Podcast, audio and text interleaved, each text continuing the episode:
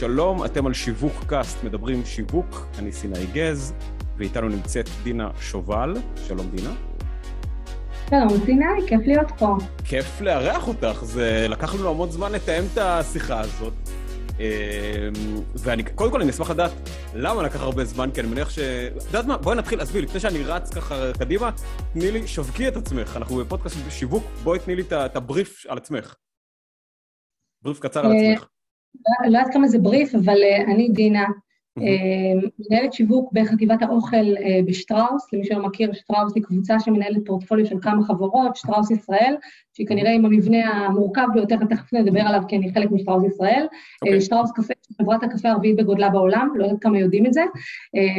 שטראוס מים, שפעילה גם בישראל, אבל גם בסין בשיתוף פעולה עם הייר, וגם באנגליה בשיתוף פעולה עם ורג'ן, וחברת סברה אובלה, שהיא בשיתוף פעולה עם פפסיקו העולמית. בתוך שטראוס ישראל יש מספר יחידות עסקיות, שבעצם כל אחת יש להם מה שנקרא את תחום ההתמחות שלה, כל יחידה עסקית היא ממש חברה, בסדר? עם מנכ"ל, הנהלה ומה שנקרא כל הדיסציפלינות הרלוונטיות והמפעלים הרלוונטיים.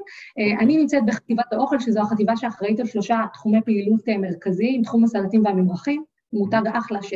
כולם מכירים, המותג המוביל בקטגוריית הסלטים והממרחים, מותג דליקטס, שזה מותג בוטיק שבנינו ממש בשנה האחרונה, וגם אנחנו מפיצים את על הלחם וזהבי. התחום השני זה תחום הארוחות, שם אנחנו פעילים בעיקר בעולם הפסטה המצוננת עם מותג שטראוס, וגם שם אנחנו מובילים את הקטגוריה בצורה מאוד משמעותית, והתחום השלישי זה תחום חומרי גלם מהצומח, שאנחנו נמצאים בו עם מותג טעם הטבע, גם בעולם האולטרופרש, גם בעולם היבש. אני התחלתי את דרכי, אני עשיתי ככה מסלול קצת אחר, בסדר? בעולם השיווק, אני התחלתי בכלל באקדמיה, שם הכל התחיל, התחלתי ללמוד לתואר הראשון בגיל יחסית צעיר, הייתי בת 20, תואר במדע המדינה, התמחות בתקשורת ציבורית, במקביל עשיתי תעודה בעיתונות ותקשורת, ואחרי שנה בעצם פנו אליי ואמרו לי שנפתח מין מסלול מיוחד, בגלל שהייתי באיזושהי, בציונים מאוד מאוד גבוהים באותה שנה, אז אמרו שנפתח מסלול חדש של מסלול ישיר לדוקטורט, וכשאת ילדה בת 20 או 21 זה נראה נורא מלהיב ומגניב, אז מיד אמרתי, זהו, זה הקריירה, זה העולם שלי. אני הולכת להיות באקדמיה, אני אהיה מרצה, זה היה לי מאוד מאוד ברור שלשם אני הולכת. לשמחתי עשיתי גם תעודה בעיתונות ותקשורת, ובמקביל הייתי צריכה לעשות סטאז' ואז גיליתי בעצם שנורא מעניין אותי לעבוד בלעבוד ולא רק בתיאוריה. אז ככה בעצם התגלגלתי לעולמות יחסי הציבור, התחלתי בגיטם פורטר נובלי, עברתי אחרי זה לשלמור תקשורת, שם התמחיתי בכל העולמות. רגע, רגע, שנייה, שנייה, שנייה, אז את לא דוקטור, דינה, נכון בעצם? לא דוקטור, אז איפה לקחת... אה, עשיתי בחירה, מה שקורה, נורא חשוב לדעת, אגב, גם לאנשים, כשעושים מסלול ישיר לדוקטורט, זה הכל או כלום. או שאתה, ראשית גם מסיים דוקטורט, מסיים תואר ראשון. אין, לא מקבלים כאילו תואר שני באמצע, כי זה מסלול, זה מיוחד. רגע, אז מה גרם לך לעזוב את האקדמיה בעצם? כי אמרת, את רוצה לעבוד, אבל מה הנקודת ככה, נקודת מפנה? הנקודה הייתה שבעצם במקביל לסטאז' קיבלתי הצעת עבודה, ואחרי שהתנסיתי, מאוד מאוד חזק בעולמות האלה של PR, נורא משך אותי, החיבור גם לחברות עסקיות, ופתאום האקדמיה הייתה נראית לי כמו משהו נחמד שיכול לחכות. אוקיי. ומה שנקרא, הדבר הנחמד הזה מחכה. ואני הלכתי באמת יותר ויותר והתקרבתי ככל שעבר הזמן, יותר ויותר לעולם העסקי. אני חושבת שכל המסלול שלי הוא מסלול של התקרבות יותר ויותר לעסק. עד לנקודת הזמן הזאת שאני בעסק.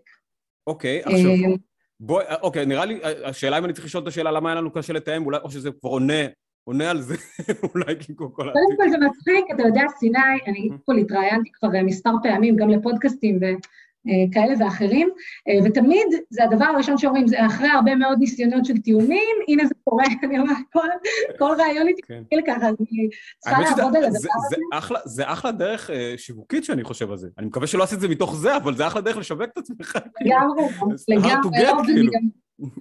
לא, אני גם הכי לא, דרך אגב, הכי לא hard to get, הכי לא במקום הזה, וכל הצעה שאומרים לי ומבקשים, ואפילו עזרה ולאיזה כתבה לאיזה, זה של משהו של אוניברסיטה, אני אומרת כן, וגם לי יש פודקאסט, בסדר? אני מאוד מאוד...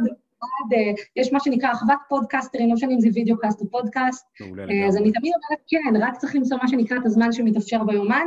המזכירה שלי תעיד, היא לא כאן, אבל אם היא הייתה, היא הייתה מעידה שמה שנקרא, יומן סגור חודשיים קדימה, לא בשביל להיות hard to get, כי... לא, לא, זה אחלה, אבל אני מאוד מאמין בלהיות בעשייה מתמדת, זה נראה לי אחלה של עניין.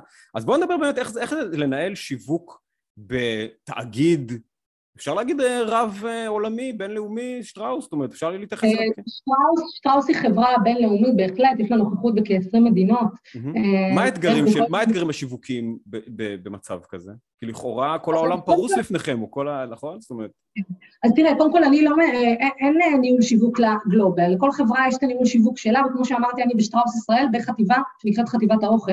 אז אה, רק על עצמנו לספר ידעתי, אני יודעת גם על אחרים, אבל נראה לי יותר הגיוני לדבר על עצמנו. אה, איך משווקים ו- אוכל בתאגיד רב עולמי? זה נראה כן. לי אתגר, איך משווקים אוכל לאנשים, אני חושבת שזאת השאלה המעניינת. כן. אה, ומה שמעניין זה לא אם זה רב עולמי, כי שוב, אני לא משווקת אוכל בעולם, אני לא משווקת את האוכל של סברה אוקיי, ועוברה. בסדר, אז בואו נרד לרזולוציות שלנו, אוקיי.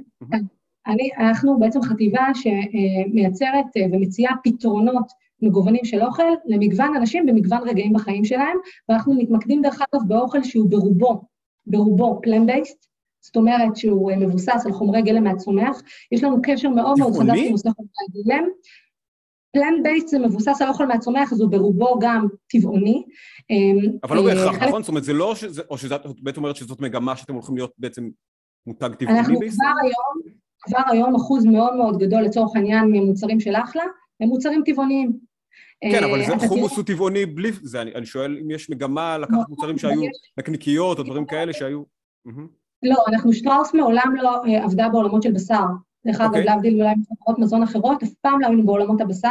אה, דרך אגב, כן תפיסת עולם ואג'נדה, והיו הרבה פעמים שאלות כאלה על השולחן, והחלטנו לא ללכת על אוקיי, זה. אז מוצרי חלב, בואי נגיד על מוצרי חלב, נגיד אה, מילקי אני ודברים לא כאלה. בחלב, כן, שנייה.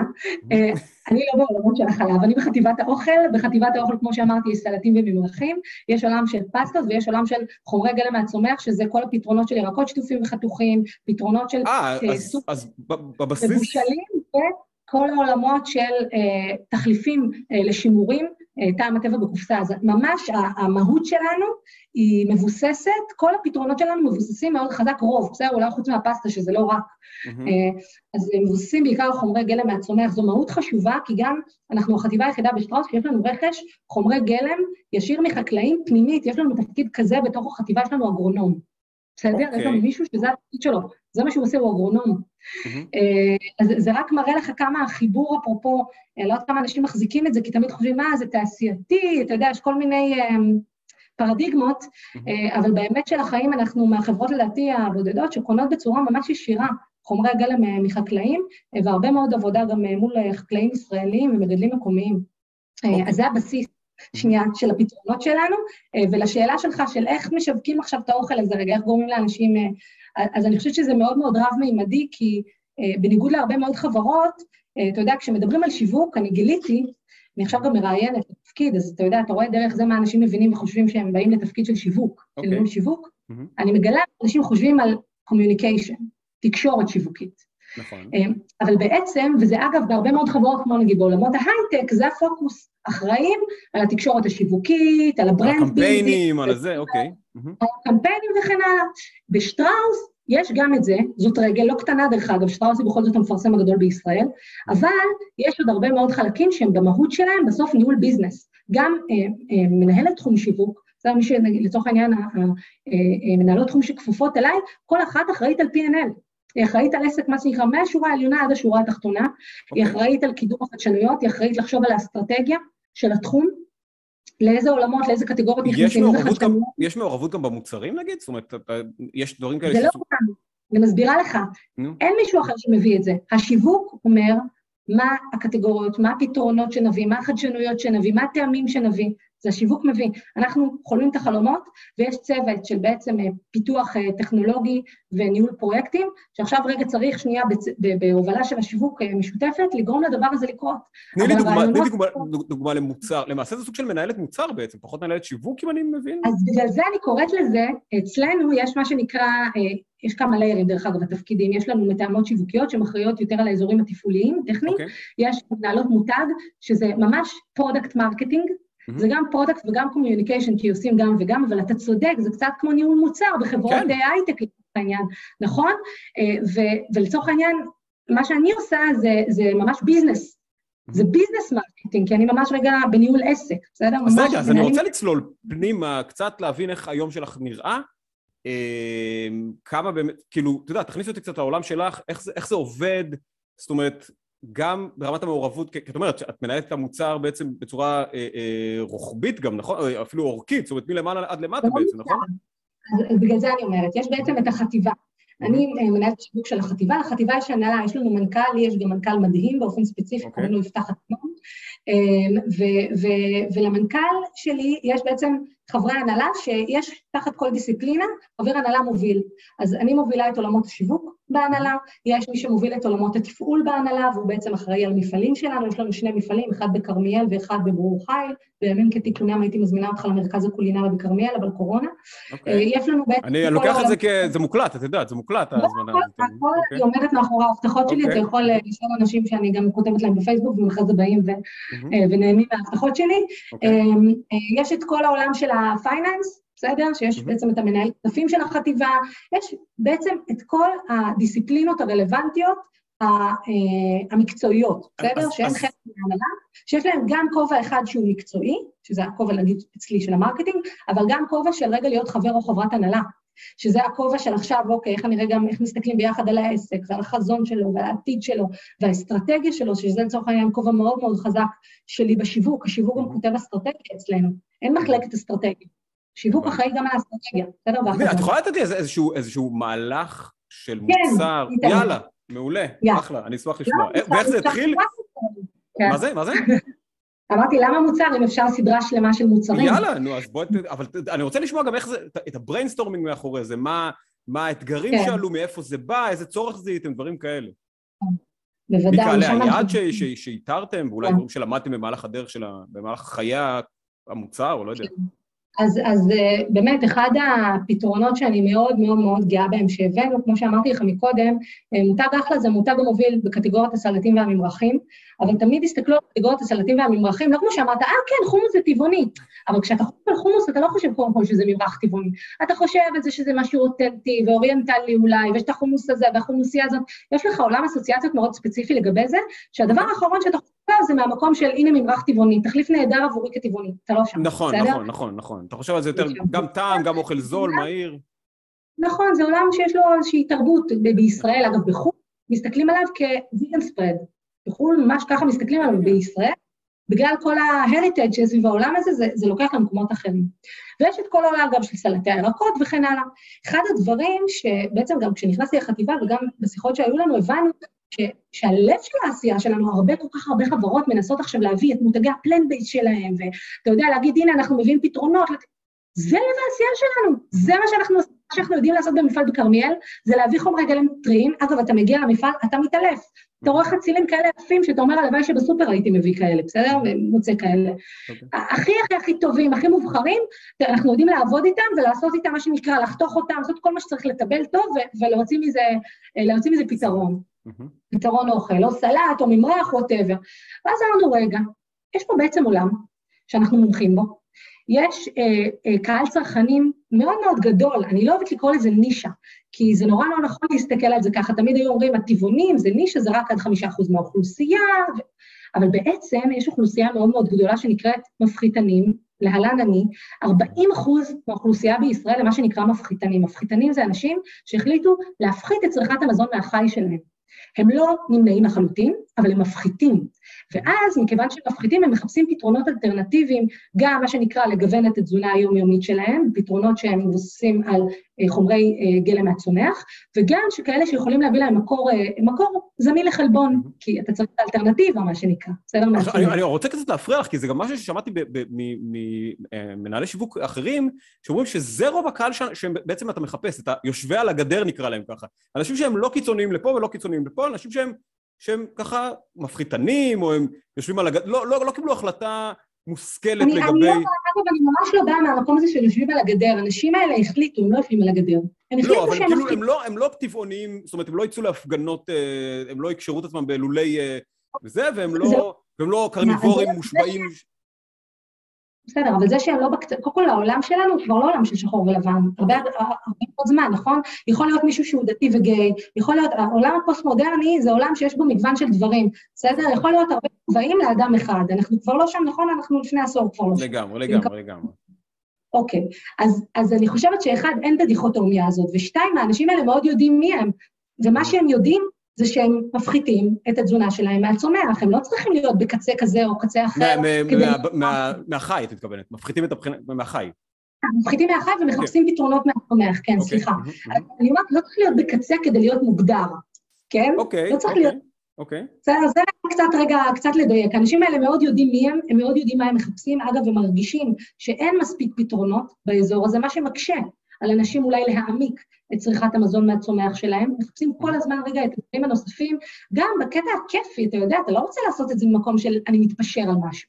אתה לא רוצה את הגבינה הפחות טעימה, אתה רוצה את המשהו אחר שמתאים להזדמנות צריכה שאתה היית רגיל לאכול בה אולי גבינה. שונה גם לשיקולים הבריאותיים ואולי המוסריים שלך גם.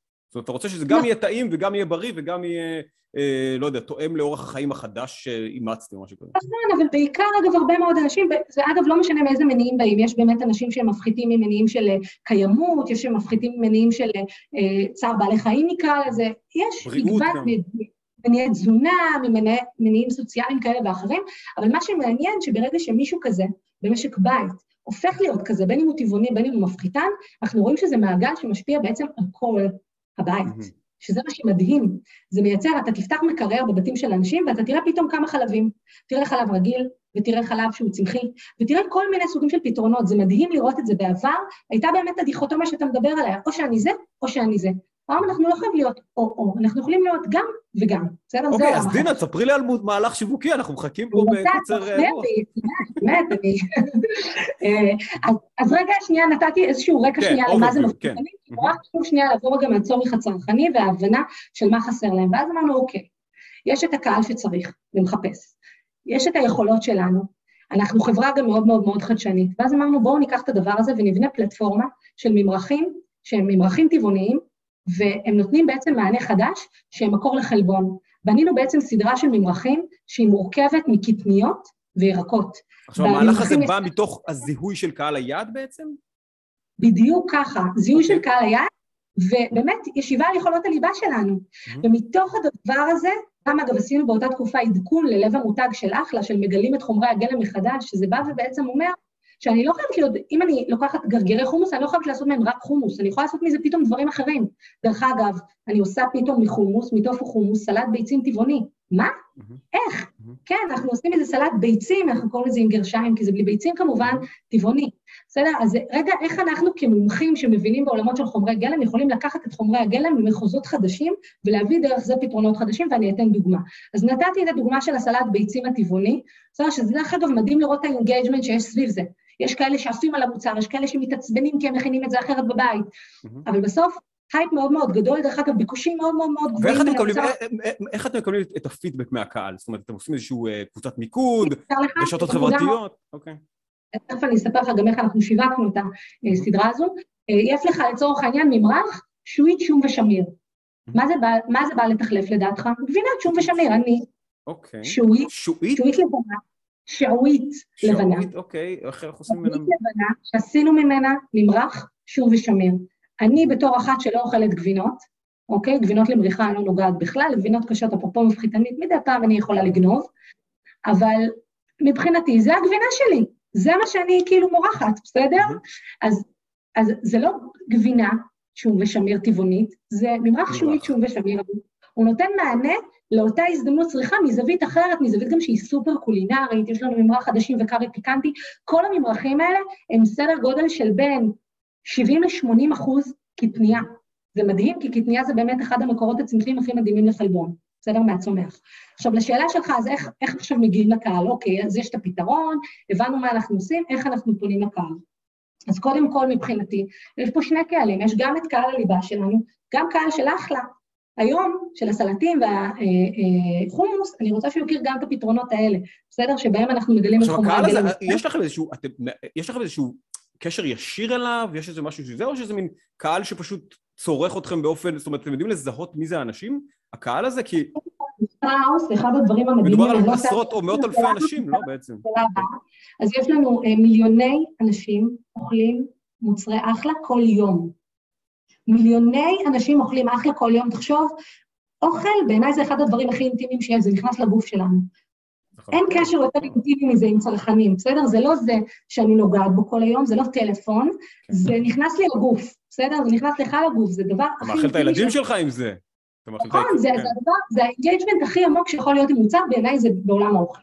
בסדר? כי זה נכנס לכולם לגוף, זה הדרך שלנו, מה שנקרא, לתת, להעניק לאנשים שאנחנו אוהבים וכן הלאה, וגם כמובן וגם אני מניח, ותקני אותי פה אם אני טועה, שה, שהתגובה לאוכל היא הרבה יותר מהירה ממוצרים אחרים. זאת אומרת, אם לא אהבת את זה, כנראה שלא תחזור לזה.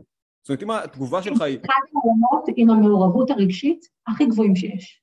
הכי גבוהים שיש. ואתה גם רואה את זה, זה כמובן תלוי קטגוריה, אבל בעולמות שיש נאמנות מאוד גבוהה, או שאפרופו, כמו שאמרתי לך, עם הסלט ביצים הטבעוני, כן. כאלה שמה, אבל אני שם זה, ואני שם אלה אחרות, אתה רואה איזה engagement מטורף, כאילו יש גם סביב שלו המתכון, בסדר? ומה... איך שומרים על קהל כזה, אבל לאורך זמן? זאת אומרת, אני מנסה לחשוב איך שומרים על, על, על, על רצף כזה מול קהל ששופט אותך בכל ביס וביס בעצם. נכון. זאת אומרת, זה קצת כמו להיות איזה מסעדה ענקית, לא? נכון, זו דוגמה מעולה. אני אשווה לך את זה באמת למה ששפים עושים. נכון, כששף קודם כל מוציא את המוצר, לפני ש... לא את המנה, בסדר? לפני שהוא מגיש את המנה, תמיד גם הוא טועם. אז גם אנחנו, יש לנו צוות של אנשים שתואמים את המנה. לפני שהיא יוצאת לשוק, יש לנו תהליך של בקרה משולשת, כי גם זאת קטגוריה שנורא חשוב בה הנושא של בטיחות ואיכות מזון. אם זה נכנס לגוף של האנשים, אנחנו צריכים לוודא שזה בטוח ברמה הגבוהה ביותר. גם פה, אגב, יש לה הרבה פרדיגמות, מה, וזה עם מלא חומרים ומלא... לא, מה שיש בתוך הדבר הזה, זה אגב מה שהרגולציה מחייבת. אפס נקודה, תקשיב, לא אחוז, אפס נקודה חמש עשרה אחוז.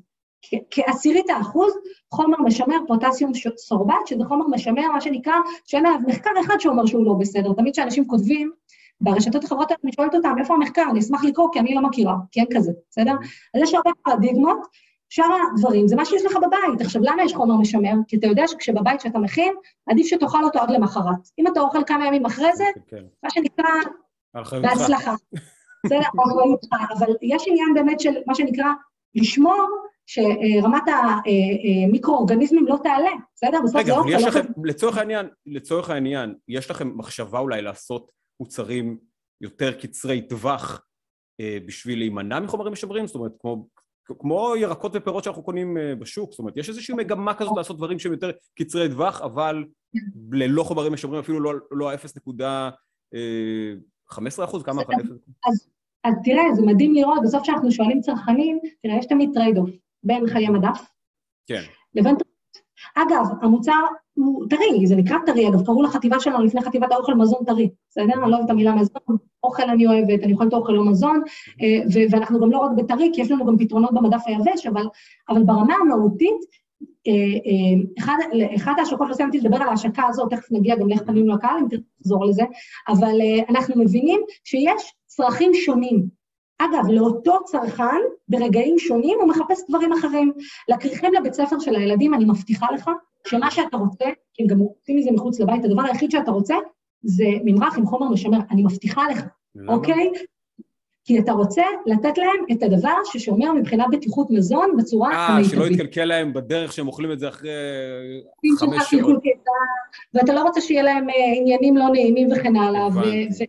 בסוף זה אוכל שהוא בטוח, אני בחיים לא אתן לה, אני מפחדת, בסדר, לקנות במקומות בחוץ וכאלה, יש דברים שאני לא אקנה, דווקא מתוך ההיכרות שלי עם עולם בטיחות המזון, אני נורא כן. נזהרת, אז שאני באמת מבינה... מה, ממה את נזהרת? לא משנה כרגע. לא, זה מעניין אותי, זה דווקא זה נורא חשוב. אבל אני אומרת... מה, ביצים וכאלה? גם כשאני מזמינה ממסעדות, בסדר? אני אוכל באותו יום, אני אפילו לא אוכל למחרת. בסדר? שוב, שוב, שוב. אני מזמינה אוכל ממסעדות, 아, לא אוקיי. משנה מה אני מזמינה, אני לא אוכל את האוכל הזה למחרת, אין סיכוי. כן. או שאני אסיים, או שמה שנקרא חבל. אוקיי. אז, כי, כי אין מה לעשות, זה תהליך שהוא לא נקי, אתה יודע, הוא לא עובד...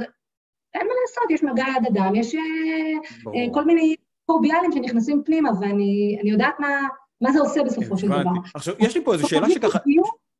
צריך לחשוב על כל הממדים. רגע, עכשיו שאלת על נושא הבריאות, סליחה שאני משתלטת לך על זה, אבל רגע אני רוצה...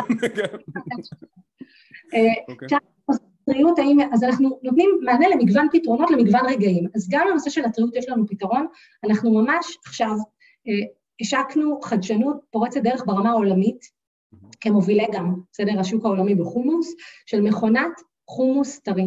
כמו המכונה של הגלידה, אתה זוכר שפעם היה את המכונה של כן, כן, הגלידה כן. האמריקאית? מוציאה גלידה טריה, אז תחשוב על מכונה כזאת שמוציאה חומוס טרי במקום. מדהים, חומוס טרי אגב עם טעם, גם הוא לא צריך לעמוד ב-PH כזה או אחר, אין לו עניינים אוקיי. רגולטוריים, נקרא מוצר טרי לחלוטין, אבל אתה צריך לאכול אותו מיד, זה לא חומוס עכשיו שישב לך שבוע, שבועיים במקרר ואתה תמרח אותו לילדים. אז רגע, אני אקנה מוצר, אז אני אקנה כאילו איזשהו מכשיר משטראוס, ומה, אתם לא תספקו לי את... אתה לא קונה מכשיר.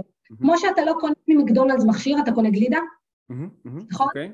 אז אתה תקנה מה שנקרא את החומוס ארוז, כמו שאתה קונה takeaway מחומוסייה, תקנה את זה בקופסה, שנארזה לך במקום, אמרת, רגע שלום, אני רוצה 300 גרם, בבקשה חומוס טרי, מקבל חומוס טרי, 300 גרם. מגניב. אה, אנחנו ממש ומה, זה במעדניות כאילו? איפה זה יהיה? ב- אז כרגע, כן, זה נכנס ל... אה, זה הולך להיכנס בעצם למעדניה ראשונה אה, בשוק מחנה יהודה. אה, אנחנו ככה ממש בחשיפה, חשיפה די, לא, זה ראשונה. מגניב לאללה, זה נשמע לי אחלה של רעיון. וגם, וגם במקומות נוספים, ויש לנו מה שנקרא go to market, שאני עדיין לא יכולה להרחיב עליו, אבל יש פה מהלך מאוד מאוד מעניין ברמה האסטרטגית. האם זה מחליף את החומוס הארוז שלנו עם חיי מדף הארוכים? ממש לא. ממש לא מחליף. אבל זה? נותן איזה מענה, אולי... כמו שפתרונות אחרים שיש לי נותנים, גם- השעועית שום שמיר שלי היא לא אה, מבטלת את סימפוניה שום שמיר, בסדר? היא נותנת עוד זהו, מענה זה- לזה. זה- רציתי להתעכב על העניין הזה, זאת אומרת, זאת אומרת, את מדברת על הפתרונות מבוססי אה, אה, אה, צמחים ודברים כאלה, יש, זה לא מתנגש עם קצת מסרים שיווקיים של גבינות, של, שאומנם של הקבוצה של שטראוס, שכן מתעסקת בחלב ומוצרי חלב, ואת יודעת, אמרת שפחות בבשר, אבל כן דברים שהם לא טבעוניים ולא צמחיים, אז אין איזו התנגשות של מסרים, זאת אומרת, הרי בסוף, בסוף בסוף הצרכן נתקל בשטראוס, ואם הוא מקבל מסר כזה שאומרים לו, כן, זה מבוסס צמחים, וזה זה וזה זה, ומצד שני הוא מקבל את המוצרים החלביים, כן. החלב, זאת אומרת, אענה. אוקיי. אה, אנחנו לא מיסיונרים. אנחנו לא מיסיונרים. מה זה אומר? אנחנו לא רוצים מיסיון כמו, אתה יודע, האוונגליסטים או הנוצרים שלוקחים מאחרי דת. אין לנו דת. אנחנו מבינים שיש מגוון מאוד מאוד רחב של אנשים, והאנשים והאנשים האלה מחפשים מגוון מאוד רחב של פתרונות. אנחנו לא באים לחנך ולהגיד זה טוב וזה רע. זה לא המקום שלנו. דרך אגב, אני גם, נורא קשה לי עם המילים חינוך שוק. מי שם לי לחנך מישהו? כאילו, אני, אוקיי. אני לא מחנכת, אם הייתי רוצה לחנך הייתי עובדת במשרד החינוך. אז אני לא חושבת שאנשי שיווק צריכים לחנך אף אחד, בסדר? כתפיסת עולם, אנחנו צריכים להגיש מגוון פתרונות שיוצא מתוך צרכים אמיתיים. ויש צרכים כאלה לאנשים מסוימים, ויש צרכים כאלה לאנשים מסוימים, וכולם צריכים לקבל מענה. אני חושבת שלמנוע מאנשים דברים, יש בזה משהו בעיניי כחברה מאוד uh, פטרונית, ואני לא חושבת שאף אחד צריך להיות במקום הזה, בטח ובטח לא אנחנו. וגם היום, כשאני משווקת את הפתרונות האלה, אני לא אומרת לאף אחד, בואו תאכלו רק תזונה מהצומח, אוי ואבוי למי שאוכל מוצרי חלב, כן. ממש לא. מי שחושב ככה, שיחשוב ככה, וזה לגיטימי לגמרי שייקח את מה שהוא צריך, ואני אנסה לספק לו כמה שיותר דברים, ומי שאוהב את הדבר הזה שייקח, ואנחנו צריכים לספק לו כמה שיותר פתרונות, הכל כמובן בצורה אחראית, בצורה מקיימת, ואתה יודע, ככל הניתן, בסדר? אז זה רגע מבחינתי ה... דווקא שנקל ממה שאני שלי. שומע- דווקא ממה שאני שומע, נשמע שהשוק חינך אתכם במובן מסוים. זאת אומרת, הוא סוג של דחף אתכם לייצר מוצרים שהם מבוססים, נכון? זאת אומרת, כל המפחיתנים ואלה, זאת אומרת, למדתם מהם מה צריך לייצר, או מה מה לא השוק יודעת, מחפש. אני יודעת שהבסיס הכי טוב לשיווק זה הקשבה. אני חושבת שהדרך היחידה, בסדר? בכלל, בין אנשים, בין אם אתה רוצה לתת מענה למישהו, אתה צריך להבין מה הבעיה שלו, בסדר? אתה יכול לחשוב שאתה יודע יותר טוב מכולם, אבל לא מגיעים ככה יותר מדי רחוק. כן. אז, אז אני חושבת שהנושא של הקשבה וגם זיהוי אה, טרנדים בזמן, שלימים, לעיתים הופכים למגמות, בסדר? שזה מה שנקרא טרנד לאורך זמן, אה, יש, פה, יש פה משהו מאוד מאוד חשוב, והדרך לזהות את הדברים האלה זה על ידי באמת עבודה והצלבה של מגוון, אה, לעשות אינטגרציה של מגוון מקורות מידע. ואז אתה מבין שיש פה משהו באמת, וכל הזמן רגע להיות בקשר עם האנשים, לעקוב, עכשיו שאלת איך, איך מבינים. כן, זהו. אז- כן. אז, אז זה גם אה, ברשתות החברתיות, אני חושבת שמחוברות זה אחת מהתכונות הכי חשובות שיש לאנשי ונשות שיווק וצריכה להיות. מחוברות זה אומר שאני אני לא שולחת את שירות צרכנים לענות לאנשים שכתבו בקבוצה טבעוני טעים או טבעוני לא טעים, אני עונה. אוקיי. אני. כדינה, כאילו אני לא מחפשת שמישהו, אה, אתה יודע, אני לא אומרת לעצמי, או, אני מנהלת השיווק, תענה מנהלת שירות צרכנים, אוקיי. ממש לא. אני חושבת שמחוברות ורגע לגעת ו... אה, אה, ובאמת לייצר את הדיאלוג האמיתי והכן הזה, והפתוח והאותנטי עם הצרכנים והצרכניות, זה הדבר שצריך לעשות. אבל בסוף גם- מקבלת, בסוף את מקבלת החלטות שהן בסדרי גודל מאוד משמעותיים. איך את יודעת שהשיח הזה ברשת, או אפילו הקבוצת מיקוד שאת עושה, מדייקת? זאת אומרת, איך זה לא... איך הטרנד הזה הוא לא באמת איזשהו משהו שכמו שהוא עלה ככה הוא ירד, ובאמת כן. הוא מייצר מגמה. איך כאילו... מה, מה ה... הדרך לזהות הרבה פעמים מגמה זה באמת במגוון מקורות מידע. אתה מתחיל לראות את הדברים בצורה אינטגרטיבית, אתה רואה גם אה, דאטה מחקרית, גם חדשנויות שהצליחו, אתה רואה CAGR סרט צמיחה מצרפית של קטגוריות מסוימות, ואגב, פה נכנס הרבה מאוד שכל, זה לא שבוט יכול להגיד לך את הדבר הזה, אתה כרגע כאיש שיווק, או את כאשת שיווק, חייבת לעשות את האינטגרציה האינטליגנטית הזאת בין מקורות המידע ולזהות שיש פה משהו. אחרי זה עושים עבודה כדי להבין יותר תובנות עמוקות, אז עושים באמת מחקר ויושבים עם צרכנים מחקר איכותני, לא כמותני, כדי להבין את הכאבים, אחרי זה יוצאים ומתקפים את זה במחקר כמותני, ואז אתה מבין שיש פה בעצם אה, scale, ואני אגיד לך עוד משהו, הרבה פעמים אנחנו גם עושים דברים שאולי אין להם עדיין scale מאוד מאוד גבוה, אבל הצורך קיים. אם אני מביאה פתרונות לצורך העניין ללא גלוטן, הצרכנים, כמות הצרכנים שיש ללא גלוטן לא מאוד גדולה, ולי עדיין היה חשוב להבין יוקי ללא גלוטן. בסדר? Okay. אוקיי. כי זה חלק מהאג'נדה והערכים הזה של החברה. אז אני רוצה לא... שתשתפי אותי בהצלחות שאת מאוד גאה בהן, ובכישלונות שאת ככה, שלמדת מהן. כן, וגם אני גאה בהן, וזה בסדר. ומה זה, מה זה? כישלונות שאנחנו גאים בהן. יאללה, תספרי לי אה, כישלונות שאת גאה בהן והצלחות שאת מתביישת בהן. סתם. אה, תראה, אחד הדברים שאני גם תמיד אומרת אצלנו, גם לצוות השיווק וגם אה, בשיחות ככה עם כל החטיבה, אני חושבת שהמקום הזה של להיות חטיבת האוכל, מה שהוא אומר זה שאנחנו צריכים, המנוע שלנו חייב להיות תשוקה לאוכל. תשוקה לאוכל היא דבר מאוד מאוד אמוציונלי. תשוקה לאוכל אומרת שאנחנו צריכים לשאוב השראה ממגוון מקורות, שאנחנו צריכים להמציא ולהתנסות, ואינהרנטית כשאתה תמציא ותתנסה ותעשה דברים שאף אחד לא עשה לפניך, אתה תטעה גם, לא יודעת אם זה אפילו לטעות, אבל אתה לא תמיד תצליח. Okay. אתה לא אוקיי. תמיד תצליח. יכול להיות, אגב, שהבאת תובנה מצוינת, אבל הפתרון לא היה מספיק טוב. קורה, בסדר? ועדיין יש ערך מאוד מאוד חשוב, אומרת את זה רגע כהקדמה ותכף אני אתן דוגמאות, mm-hmm. ערך מאוד חשוב בלעשות ובלהביא, כי בעיניי מי שהולך רק על בטוח, הוא לא מונע מתשוקה לאוכל שף, לא הולך רק על מנות שבטוח יעבדו. מאתגר את הקהל שלו.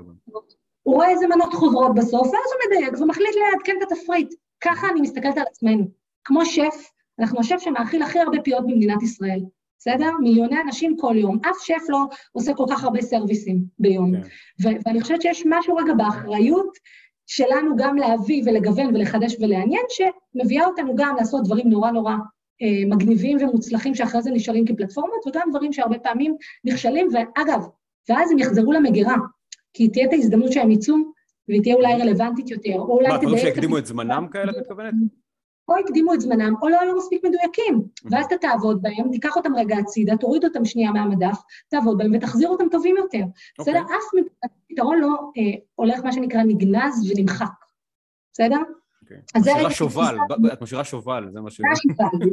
אז זה ככה כמה אמירות מעצבות. עכשיו, לגבי השאלה שלך, אה, אה, ככה, איך אנחנו, איזה סוגים של דברים, נתחיל דווקא בכישלונות במירכאות. יאללה, יאללה, נו. אחד, אחד, אה, אה, אחד התובנות שאנחנו בעצם זיהינו זה של אנשים אה, בעולם של ready to cook בכלל, יש בעולם האוכל מנעד בין ready to cook ל-ready to eat. פתרונות ready to cook זה פתרונות שאתה צריך לעשות עליהם פעולה כדי ליהנות מהתוצר הסופי, ו-ready to eat מה שנקרא, ככה הנה עכשיו אתה לוקח חומוס, מורח על הלחם, אכלת, נכון? אתה לא צריך לעשות יותר מדי.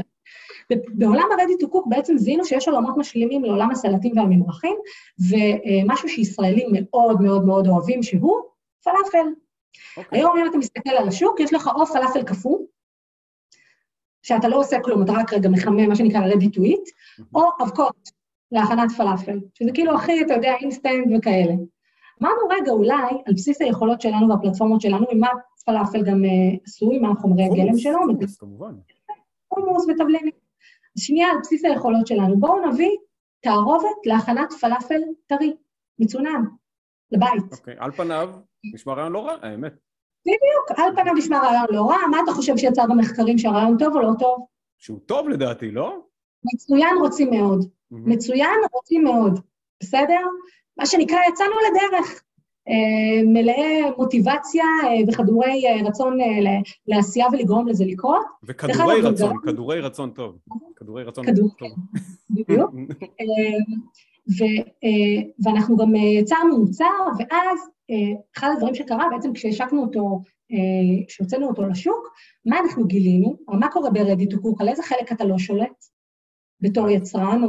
מה שהבן אדם מבשל, אני מניח, לא על הבישול עצמו. מה שהבן אדם עושה בבית. אתה שולט, מה שנקרא, אתה שולט על התערובת. נכון. נתתי לך את התערובת. עכשיו, איך מכינים פלאפל? מה רוב האנשים עושים? סיר או- שמן וזורקים את זה לסיר שמן, לא? אם אני...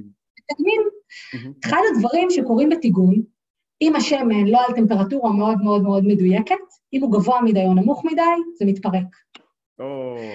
מה שגילינו, שהרבה מאוד אנשים היו נורא מתוסכלים שפתאום זה התפרק להם וזה לא הצליח להם. אה, וזה אחד הדברים, אגב, שלמדנו בעולם ה-ready to cook, שאתה מאוד מאוד מאוד קשה לך לשלוט על מה שאנשים עושים בבית, וגם בו רוב האנשים לא מודדים עכשיו את טמפרטורת השמן, כאילו גם כן. תחשוב על עצמך, אתה לא יכול עכשיו להיות עם עד שמן, זה לא... רגע, לא אבל איך אפשר. למנוע דבר כזה? הרי זה משהו שהוא לכאורה נורא כאילו... אתה אומר, וואלה, אני רוצה לראות איך ה user שלי משתמש בזה, לא בעצם? אז כאילו, זה לא בדיקה שעשיתם, אה, לא בדקתם את זה על אנשים? אז עשינו, וזה מסוג הדברים שאתה מגלה ב scale-ים קודם כל מאוד מאוד גדולים. הבנתי, כן. יש הרבה דברים שגם עובדים, אתה עושה, אתה לא יכול בסוף לעשות, אה, עד שאתה לא יוצא לשוק אתה לא יכול לדעת. בסדר? הרבה מאוד דברים אתה לא יכול לדעת עד שזה בסקיילים מאוד גדולים. וגם הייתה אינדיקציה אחת פה, אינדיקציה אחת שם, ואתה אומר, נו, אתה יודע, קורה, אז לא שמתי לב, שנייה הלכתי לילדה, שנייה, בסדר? הבנתי. ואז רגע, אז מה, גנזתם את המוצר הזה? אז הורדנו אותו מהמדף, אחרי וואו. כמה חודשים, אז ניסינו, אז למדנו. אגב, הייתה התנסות ראשונית מאוד גדולה, כי היה צורך. אבל אז הייתה גם אכזבה מאוד גדולה מהמוצר, ואנחנו הורדנו אותו מהמדף, ושוב, הכנסנו למגירה. עכשיו רק, אני רוצה? להבין את העניין הזה של- ירד מהמדף, זאת אומרת, מה, ראיתם איזושהי קנייה מאוד גדולה של המוצר הזה, ואז מה, קיבלתם ריג'קטים? באו תלונות? זאת אומרת, איך איך מזהים בזמן אמת שזה... ממ- ממש ככה, דרך הסושיאל, דרך פניות צרכנים. תראה, זו קטגוריה, כמו שאמרתי, עם מעורבות רגשית מאוד מאוד מאוד גבוהה. אם יש לך עכשיו איזושהי בעיה בטלפון, אתה לא יושב וכותב מייל לסמסונג או לאפל או לא יודעת. כן.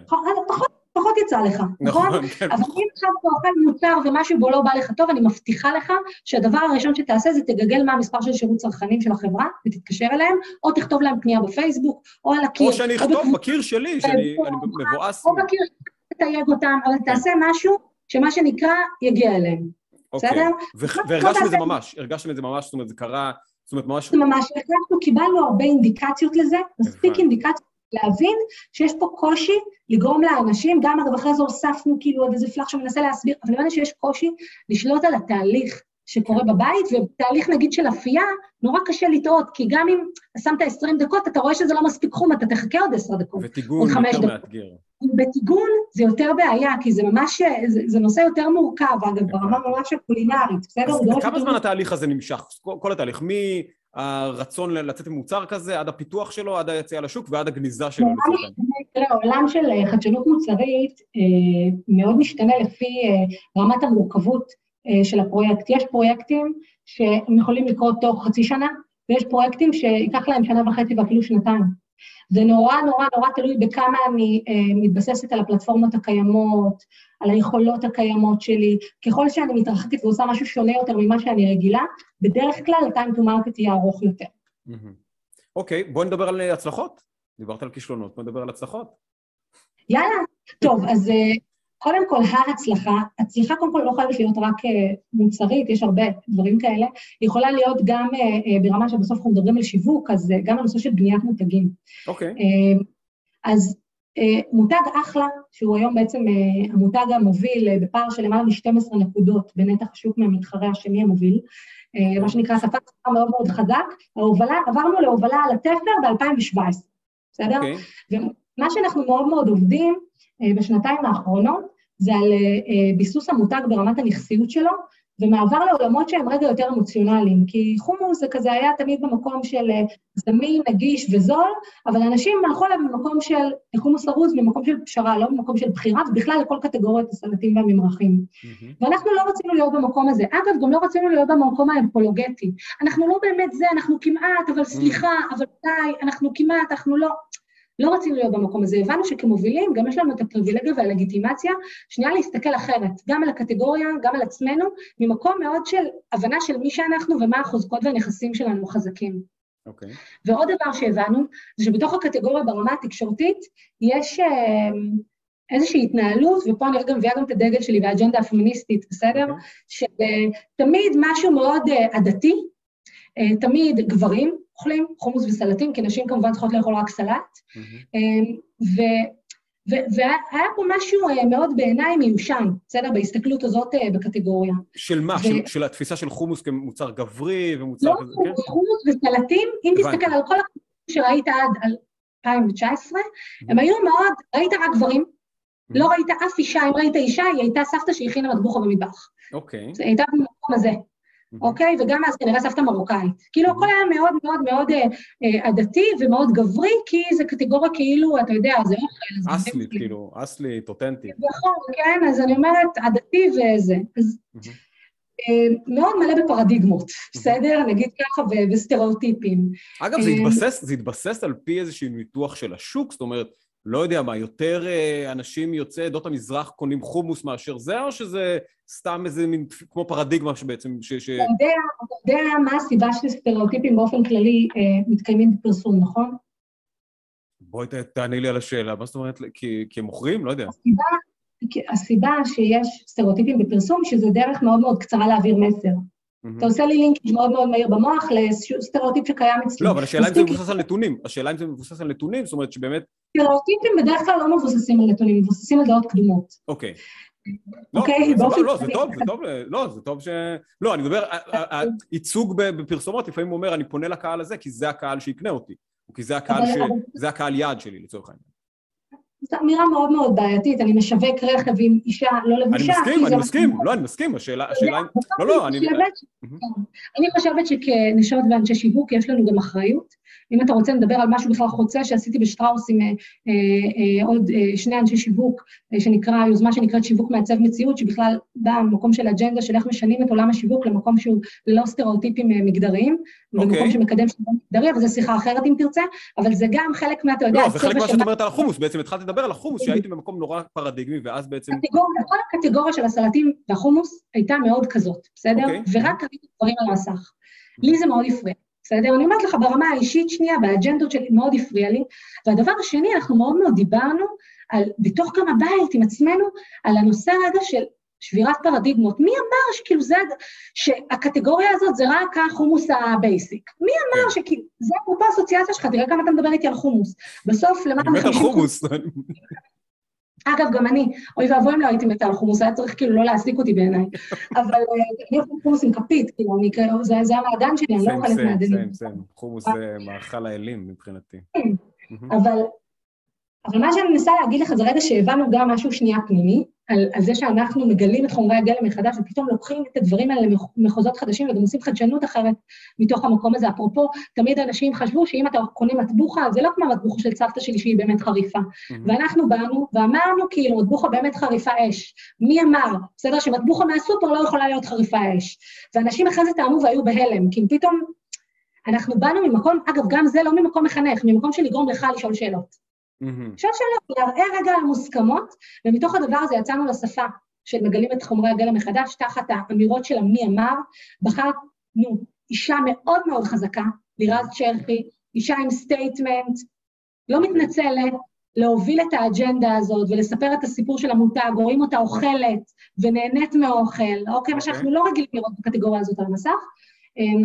מה שאנחנו ראינו זה פשוט מדהים, כי בין 2017 ל-2020, 2021, יש, אה, הדרך בעצם אה, לבדוק את החוזק אה, המותג ואת הנכסיות, מה שנקרא מחקרי ID, זה בעקומה, בגרף העכביש, אתה מכיר את גרף העכביש? יש לך כל מיני מדדים, mm-hmm. ואז אתה ממקם אותך ואת המתחרים על גבי הגרף הזה, וזה נראה תמיד כמו קורי עכביש. אוקיי. Okay. ומה שהיה בעצם ב-2017, אנחנו והמתחרה המוביל היינו ממש אחד על השני. בגרף הזה. את נזהרת לא להגיד את השם של המתחרה המוביל, אני מבין, אבל אוקיי. אני לא על עצמי לספר ידעתי. אה, אוקיי. ואנחנו ממש ראינו שהיינו בסך הכל באותם אזורים, היה לנו קצת שפיצים כאלה קטנים באזורים ספציפיים, אוקיי. ובעצם אה, במלאת, אה, מה שנקרא, שנתיים לשפה התקשורתית החדשה, פתאום תפסנו פער מאוד, מאוד דרמטי, בכל אחד, אגב, ממדדי הנכסיות של המותג. אתה שואל אותי מה זו הצלחה? הצלחה פלטפורמטית, יכולתי לתת לך אלף דוגמאות של חדשנות, בסדר? כן. נתתי כבר דוגמה של חדשנות כאילו בכישלונות, אז mm-hmm. זה מבחינתי הצלחה מדהימה, כי בסוף כשאתה בונה נכסיות של מותג, ואתה אומר איך לאורך זמן שומרים את האנשים... עכשיו, מה זה אומר נכסיות של מותג בהקשר הזה? זה יותר מכירות? זה יותר... מה, מה זה אומר? נכסיות של כל מה שקשור לנכסיות זה מדדים שהם קוגניטיביים, זה מה אנשים תופסים, מה אנשים חושבים.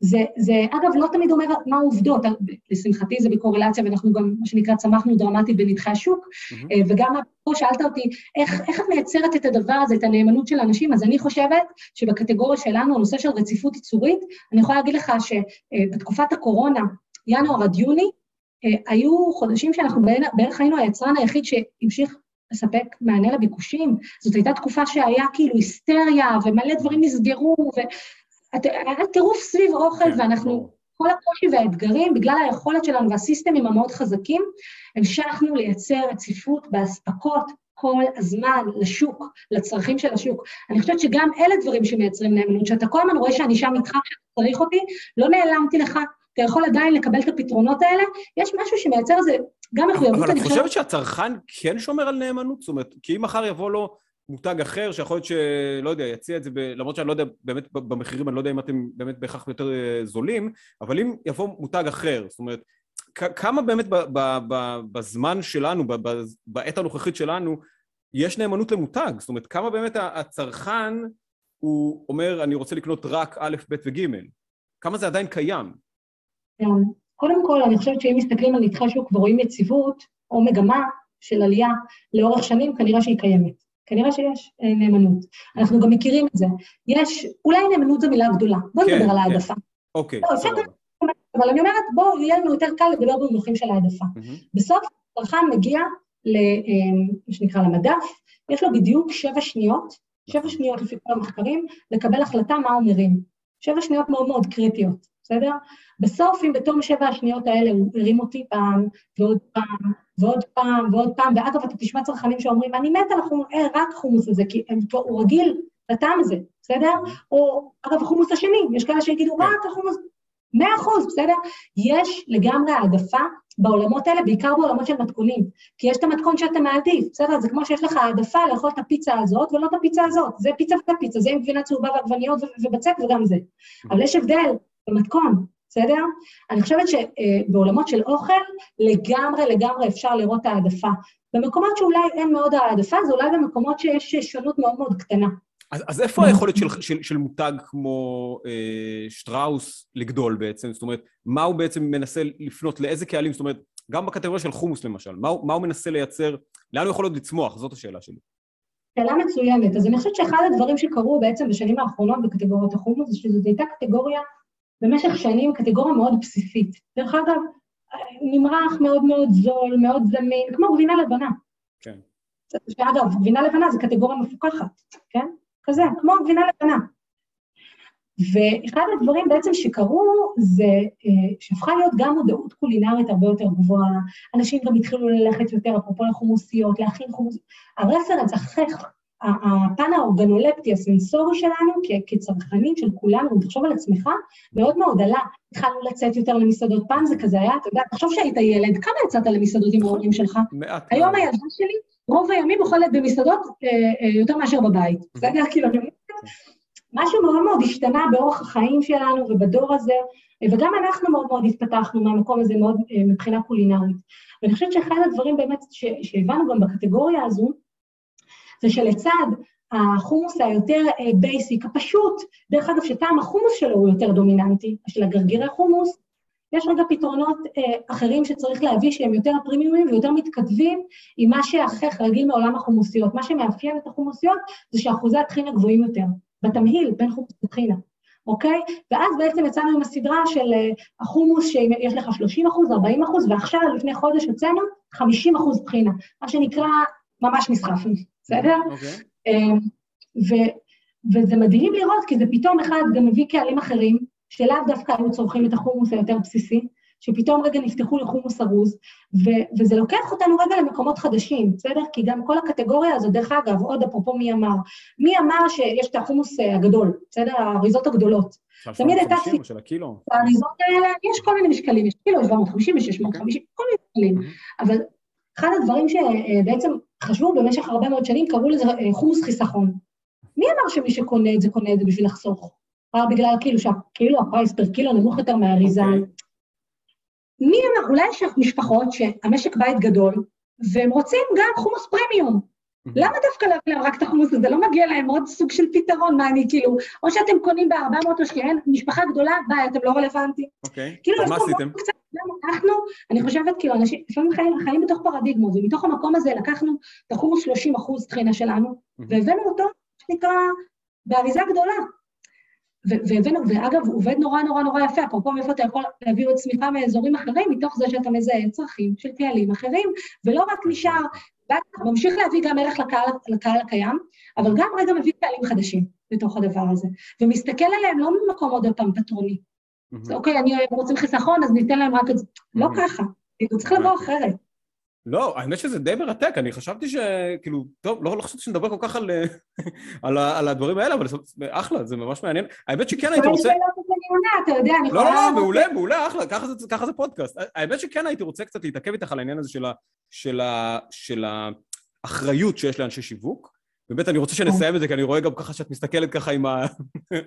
אנחנו נסיים, אז באמת, זה הנושא שהייתי רוצה לסיים איתו, על האחריות שיש לנו כאנשי שיווק. בעצם, איך את רואה את זה לידי ביטוי? כמה תפקיד, אפילו נגיד חברתי, יש לאנשי שיווק בעינייך? אה, ואיך זה בא לידי ביטוי? זאת אומרת, האם זה בא רק בקמפיינים? האם זה בא באמת במוצר עצמו, שהוא יותר אה, בריא, חומרים כאלה ואחרים? אולי העסקה הוגנת, זה גם דברים שעולים. זאת אומרת, איפה הדברים האלה... אז בואי נדבר על, באמת על כל העניין הזה של האחריות של אנשי שיווק, גם במסרים, גם, ב, גם בטיב של המוצר, גם, זאת אומרת, גם הדברים האלה, וגם אולי, ב, כן, גם האחריות החברתית, תרבותית, שיש. אני, אני חושבת שהמילה, באמת מילת המפתח היא אחריות. אוקיי. אה, עם אה, הרבה מאוד כוח ויכולת להשפיע, מגיעה גם הרבה מאוד אחריות על הכתפיים שלנו. עכשיו, באופן טבעי, אנשי שיווק זה מי שמחזיקים הרבה מאוד תקציבים, שבסוף מגיעים להרבה מאוד אוזניים ועיניים, ויש לנו גם מקום אה, שמשפיע בצורה פונדמנטלית, אני חושבת, על החברה, על תפיסות, על הבניות חברתיות. אנחנו יכולים או לקבע הבניות חברתיות ולייצר אה, אה, מה שנקרא חיזוק של סטריאוטיפים חברתיים, ויש לנו מהצד השני גם את היכולת לשבור אותם ולנפץ אותם ולהביא משהו אחר, ועל ידי זה לתרום לזה שהחברה שלנו תגיע למקום יותר טוב. Uh, אני חד משמעית חושבת, צר, ואני אולי קיצונית קצת בגישה שלי, אני חושבת אבל שכל איש ואשת שיווק צריכים לבוא מהמקום הזה של רגע, מה האחריות שלי, בסדר? כלפי האנשים, מה אני עושה עם, ה, עם הכוח שנייה שיש לי בידיים. דרך אגב, זה לא בא על חשבון העסק, אני, כמו שאמרתי לך, הדוגמה עם לירז, תאמין לי, העסק רק צמח, לא לא, נפגענו. אני, לא, אין בעיה, אבל אני, יש לפעמים בהחלטות האלה שאתה, שאתה בוחר כאילו בחירה ערכית, בואי נקרא לה, ש, שיכולה לפעמים, את יודעת, אה, נגיד שאתה עושה בחירה, שוב, אני לא יודע כמה זה היה, אה, לקחת, אה, לפנות לקהל יעד אחר ממה שפנית אליו עד עכשיו. זו החלטה עסקית בסופו של דבר. או לשנות את נכון. המסרים באופן שהם... אז אני אגיד לך ככה, בסוף, זוכר שהתחלנו ואמרתי לך, יש בהנהלה כמה דיסציפלינות. הכובע שלי זה השיווק. האחריות שלי בתוך ההנהלה זה להביא את כל הצרכן. את הכל, אני מייצגת את הצרכן בתוך ההנהלה. אוקיי. אחד מייצג את היכולות הטכנולוגיות והתפעוליות, אחד מייצג את ה... אני אחראית על העסק, אבל אני בתוך הדבר הזה, הקול שאני אביא, אם, אם אני לא אביא את זה, אף אחד אחר לא יביא את זה, לפחות לא כמוני. זה האחריות שלי כמנהלת שיווק, זה האחריות, אגב, של כל אנשי השיווק. לא, אבל את אומרת פה להביא- משהו, את אומרת פה איזה משהו, דבר והיפוכו, את אומרת בעצם, את, את רוצה גם סוג, סוג של להביא איזה ערך אחר לצרכן, זאת אומרת, את לא מדברת בקולו. זה בכלל, זה בכלל לא דבר והיפוכו, זה דבר... אוקיי, אז, דבר. אז תשלימי לי, אז תשלימי לי. זה אותו דבר, בסדר? זה אוקיי. אחד ועוד אחד שלוש. אז, אז, אז אני רגע ארחיב ברשותך, בסדר? אה, אז כמו שאמרתי, קודם כל, האחריות שלי זה להביא את כל הצרכן. אני חושבת שברגע שאנחנו יותר הופכים להיות רלוונטיים, בסדר? אה, ומביאים פתרונות שהם יותר מדויקים מתוך ההקשבה שדיברתי עליה, אז אנחנו נותנים ערך יותר גבוה. כשאתה נותן ערך יותר גבוה, ירצו יותר אותך. זה מה שגורם לך להיות הבחירה המועדפת על הצרכנים. לא, אבל אני מדבר שנייה על העניין הערכי, אני מדבר על העניין הערכי, שבוחרים, למשל, אה, אה, לפנות לכיוון יותר טבעוני נגיד, או שבוחרים להפחית מאוד את אה, החומר המשמר, או שפונים לשינוי מסרים שהם יהיו פחות עדתיים ודברים כאלה. זאת אומרת, זה, זה בחירה ערכית בחלק, מה, בחלק מהמקרים, זה בחירה אבל ערכית. מה שאני מנסה להגיד לך, שהבחירה הערכית הזאת היא בחירה שמייצרת אה, אה, רלוונטיות הרבה יותר גבוהה.